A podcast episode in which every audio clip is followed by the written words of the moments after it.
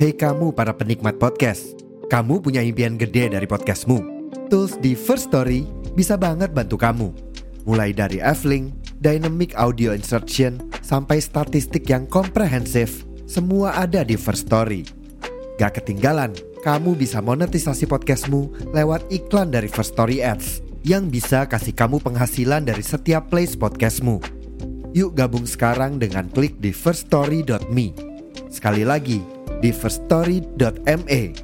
Mari kita bawa mimpi podcastingmu menjadi kenyataan.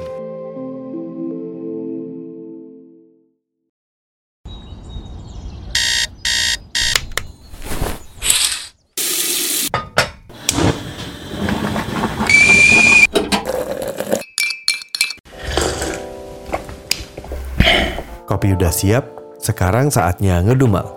Bareng gua Kucai, di Kumal. Kucai ngedumal.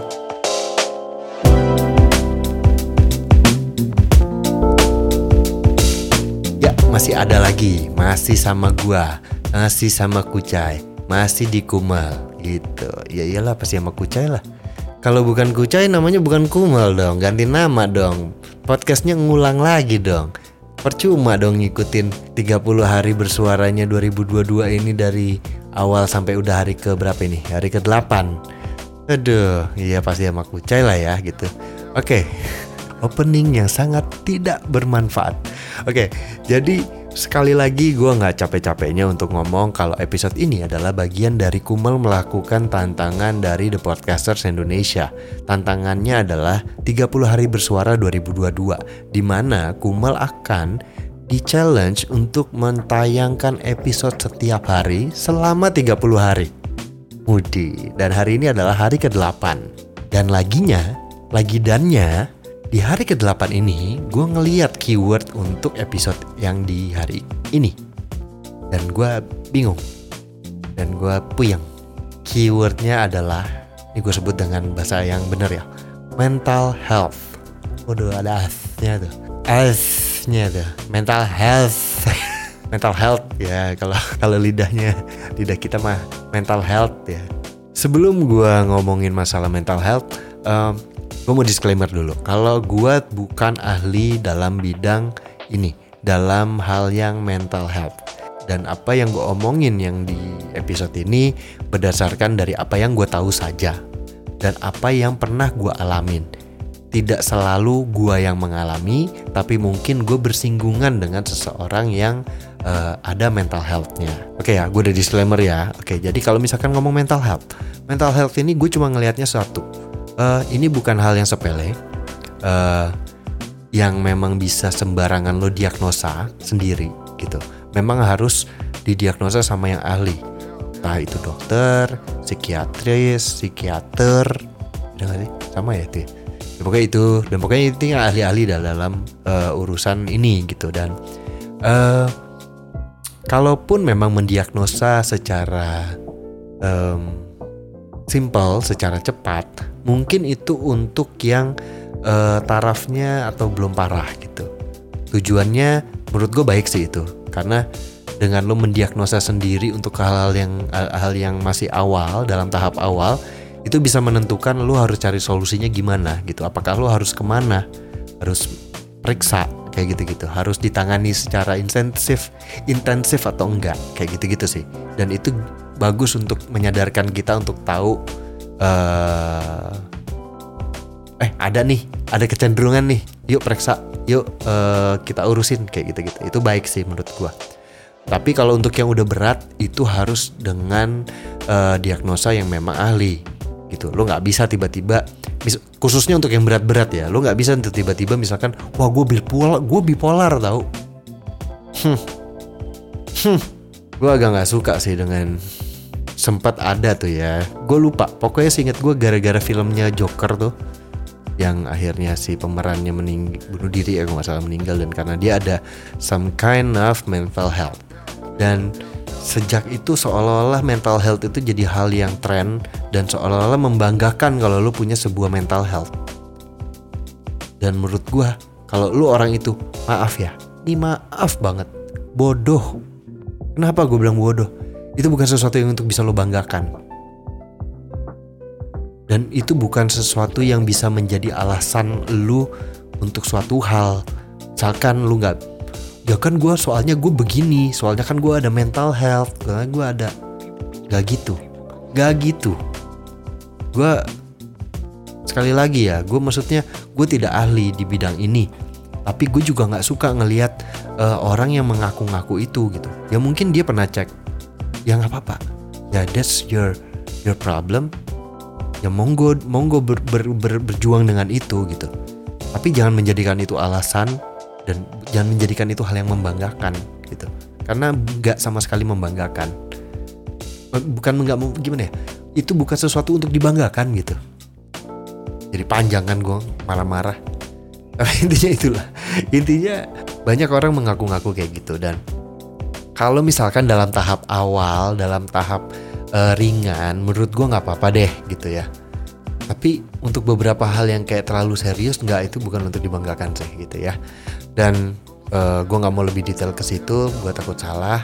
Uh, sekali lagi ini dari apa yang gue tahu aja. Dan gue sempet ngecari ini mental health ini bisa ke mana ya? Bisa jadi apa ya ini episode ini ya dengan keyword mental health? Dan akhirnya gue mikirnya ah gue coba google lagi deh nih gitu kan. Google gulu gulu gulu dan akhirnya gue menemukan wah jadi selama ini gue berpikir yang namanya mental health itu yang kategorinya udah gede-gede lah gitu yang udah-udah. Yang kayak tadi tuh bipolar, uh, delusional, anxiety gitu ya, uh, ski, skizofrenia, eh apa sih? Skizofrenia gitu yang kayak gitu gitulah yang gue tahu. Ternyata gue menemukan kalau banyak hal-hal yang kayak yang kayaknya ya kayaknya kayak sehari-hari terjadi ada gitu ya. Tapi dia tergolong masuk ke gangguan kesehatan mental.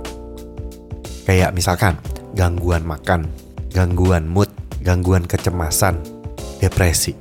Nah untuk depresi beda sih kalau menurut gue ya. Ini ini nggak tahu ini artiannya gue cuma di gangguan makan gangguan mood sama gangguan apa tadi? Gangguan makan gangguan mood gangguan kecemasan. Itu kayaknya hari-hari deh gitu maksud gue hari-hari gini dalam artian mungkin kita sebenarnya mengalami uh, kelainan kesehatan mental ini gitu.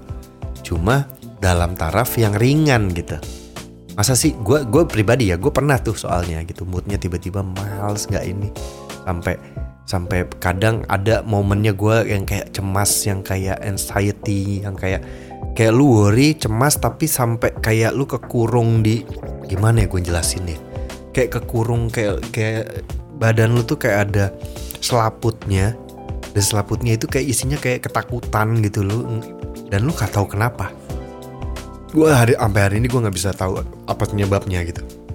Tapi itu nggak terlalu sering terjadi makanya gue nggak pernah cek gitu ya. Mungkin ada sesuatu yang uh, jadi penyebabnya gitu di gue gitu. Dan kayak gangguan makan tiba-tiba nggak pengen makan atau apa gitu. Dan gue sempet denger tuh di podcastnya bang Rane yang di GNB uh, bang Rane kalau misalkan bang Rane dengerin kalau gue salah uh, monggo di komen atau di DM ya bang. Eh, tapi kalau kayak gitu mendingan gue salah ya biar bisa pansos. Iya udah nggak apa-apa. Ya intinya oh, di situ bang Rane ngomong jadi ada gangguan makan yang kayak orang bisa tiba-tiba nggak -tiba ada rasa lapar nggak ada rasa apa karena ada cairan apa gitu. Gue agak lupa detailnya gitu tapi uh, pas baca ini gue langsung ingat oh iya bang Rani waktu itu sempat ngomong nih buat lo yang ngerasain ada gangguan makan ternyata ada gitu. Dan dan gue baru nge kalau ternyata itu masuk ke mental health. Dan satu yang yang gue lebih tertarik untuk bahas adalah OCD kalian pasti tahu lah semua OCD banyak banget tuh yang mengaku-ngaku gue OCD dan dia bangga. Gue nggak bilang itu membanggakan nggak. Kalau di tarafnya berat ya. Kritis lo harusnya get help. Tapi kalau misalkan uh, eh, OCD OCD yang masih bisa terkontrol dan kadang beberapa OCD itu agak-agak lucu gitu. Bukan menjadikan lelucon ya tapi lucu. Ada kebiasaan yang apa sih gitu dalam pertemanan tuh? Ya ampun lo sampai segitunya kayak gitu gitu itu macam-macam tuh modelnya. Ada temen gua yang uh, dia tuh kayak katanya sih ini OCD cuma gue nggak tahu ya. Gak, maksudnya kalian kalau yang dengerin mau koreksi monggo koreksi. Jadi misalkan temen gue tuh gue memanggil dia nepok dari belakang gitu nepok nepok bahu kanan gitu ya. Woi gitu nanti saat dia nengok ke gue sambil nyapa gue dia nepok sendiri bahu kirinya dia. Gue masih inget lagi bayangan yang gue lihat itu dan itu lucu. Sorry ya Aduh tapi itu lucu sih. Saat dia nengok terus dia nepok sendiri Gue tanya ngapain? Ya gak apa-apa gitu. Itu cuma dia biar ngerasa kanan kiri imbang. Jadi kalau misalkan dia tangan kanannya dipukul nih di, Disentil tangan kanan ting gitu Dia akan minta lu nyentil tangan kirinya Atau dia akan sentil di sendiri tangan kirinya. Kan, kan lucu ya. Lucu gak sih? Itu sih lucu. Gue ngebayangin itu lucu. Dan itu satu. Ada lagi temen gue yang kalau ngegedein volume tape di mobil gitu ya atau di HP itu itu harus di angka ganjil atau harus di angka genap kayak gitu tuh. Tuh ada tuh yang ngatur layout handphonenya harus begini sevolume dan se brightness brightnessnya uh, sinar layar handphone. Itu sampai dia apa dan harus segitu dia itu berubah keganggu dia ada lagi temen gue yang uh, OCD-nya itu kayak OCD tegak lurus. Aduh nih gue kenal orang ini dari gue kecil lagi. Bukan gak kecil banget sih maksudnya remaja lah saat gue remaja gue udah kenal orang ini. Jadi dia itu selalu pakai baju kotak-kotak tapi kotak-kotaknya vertikal dan horizontal. Gak ada diagonal gak ada. Jadi lurus vertikal atau diagonal oke? Okay? habis itu segala sesuatu segala barang yang ada di tempat dia yang berurusan dengan dia itu susunannya harus lurus 90 derajat atau rata.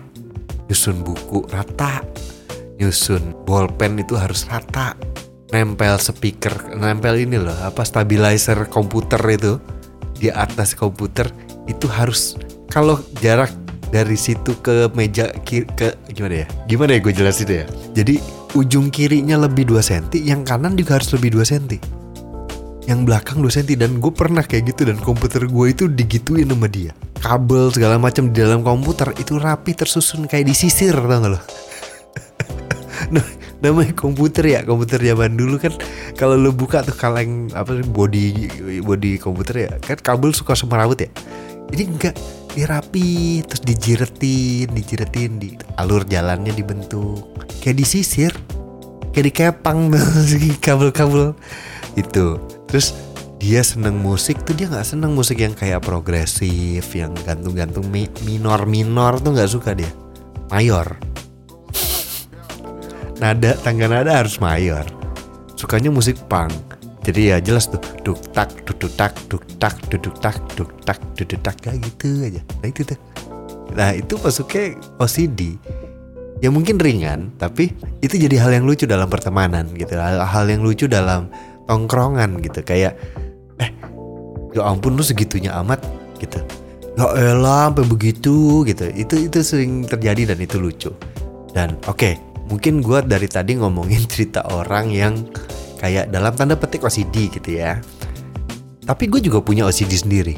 Gue itu kalau makan, misalkan makan mie ya, makan indomie, atau makan sesuatu yang berkuah, gue nggak bisa kalau sendoknya tuh nyemplung, nyemplung masuk banyak gitu loh, hampir sampai gagang gagangnya itu setengahnya tuh kena kuah, gue nggak bisa. Gue akan ambil tuh sendok atau garpu dan gue akan lap. Jadi gue cuma bisa yang basah itu bagian sendok tuh bagian yang lengkungnya itu sampai lebih dikit nggak apa-apa deh. Asal jangan lebih lagi. Nggak bisa gue nggak ada alasan tapi. Jijik. Nggak sih. Geli nggak sih. Kotor. Karena gue terlalu bersih gitu. Nggak. Cuma nggak suka aja. Terus kayak makan. Terkadang gue makan itu gue ngitung. Gue makan nasi segini lauknya segini deh sayurnya segini deh. Gue hitung. Dan gue ngitungnya bukan ngitung kalori ya gue ngitungnya gue bisa makan semua ini 40 apa bergiliran lauk nasinya bergiliran. Jadi maksudnya nasi dengan lauk A, suapan berikutnya dengan saut lauk B, yang berikutnya mix A sama C, misalkan gitu. Apa pun itu rulesnya, intinya gue makan itu sampai terakhir suapan terakhir gue masih ada yang uh, dibarengin gitu. Jadi nggak ada tuh gue makan sisa cuma nasi doang, terus dimakan itu nggak bisa tuh. Pasti gue hitung. Aneh ya? Aduh gue nih. Udah aneh suka mikir sendiri debat di kepala sendiri ngedumel sendiri makan begitu lagi. Aduh. Jadi uh, teman-teman kalau yang mendengarkan episode ini kalau misalkan episode ini makin aneh mohon maaf ya.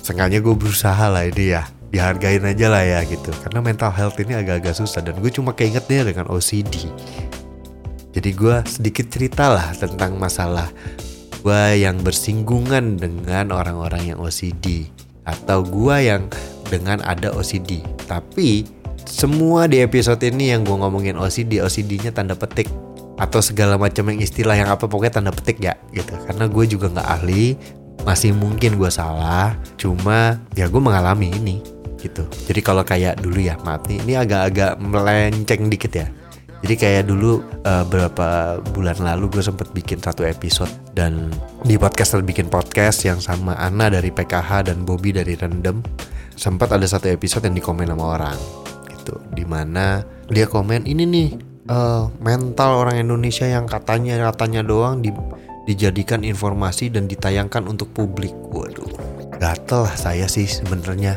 Ya untuk episode itu nggak ada katanya. Katanya itu ya katanya temennya anak yang mengalami dan itu sudah dialami sama orang itu gitu. Jadi bukan katanya. Lalu juga ngomong begitu kan katanya. Lu ngomong begitu juga gak ada dasarnya. Ya intinya gue nggak mau maksudnya uh, menjadi sesuatu yang diserang nantinya gitu. Bukan kalau serang gue kadang menyenangkan sih diserang, tapi kalau menyen, hanya untuk menyerang, menyalahkan dengan tanpa argumen dan dengan statement yang bodoh gitu, capek capek gue makin mangkel doang. Ya intinya gue tidak ahli dalam bidang mental health dan kalau misalkan ada salah-salah gue dikoreksi. Kalau lo memang lebih paham monggo dikasih tahu. Mungkin gue jadi bisa belajar gitu ya dengerin dan baca juga bisa belajar gitu ya. Tapi kalau lo nggak tahu gak usah bacot gitu aja maksudnya bacot dalam artian kalau nggak tahu tapi nyalah nyalahin sama orang yang nggak tahu juga gitu kan. Kan lucu ya ada orang nggak tahu nyalahin orang yang juga nggak tahu. Ya itu deh nggak tahu gue mau ngomong apa lagi. Jadi kalau kalian punya teman-teman yang OCD kalau ringan dan kalau itu masih menyenangkan dalam tongkrongan ya nikmatin aja. Gue bilang begitu karena kalau udah dalam tongkrongan biasanya sudah dekat dan sudah kenal banget gitu loh tapi kalau misalkan itu dia memang tarafnya sudah butuh bantuan yuk di encourage gitu disemangatin untuk dia bisa get help gitu. Karena saat itu menjadi makin parah dan kritis yang gue tahu efeknya juga nggak akan baik buat dia. Sesuatu itu kalau misalkan terlalu banyak terlalu berlebihan juga nggak baik. Itu aja. Sesuatu yang baik kalau kebanyakan ya nggak baik.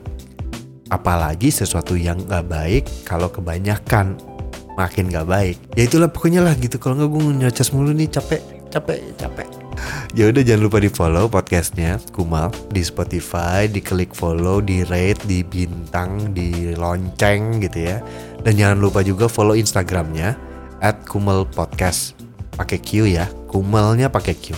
Sama kayak gue, Kucai pakai Q, Q dan Y, Kucai underscore itu IG gue. Monggo di follow, sehat-sehat dan sampai ketemu lagi besok. Besok? Nih gue nggak tahu deh besok nih apa lagi nih. Uh, oke okay lah segitu dulu aja. Udah mulai bingung. Bingung bingung bingung. Ya udah sehat-sehat terus ya semua. Bye bye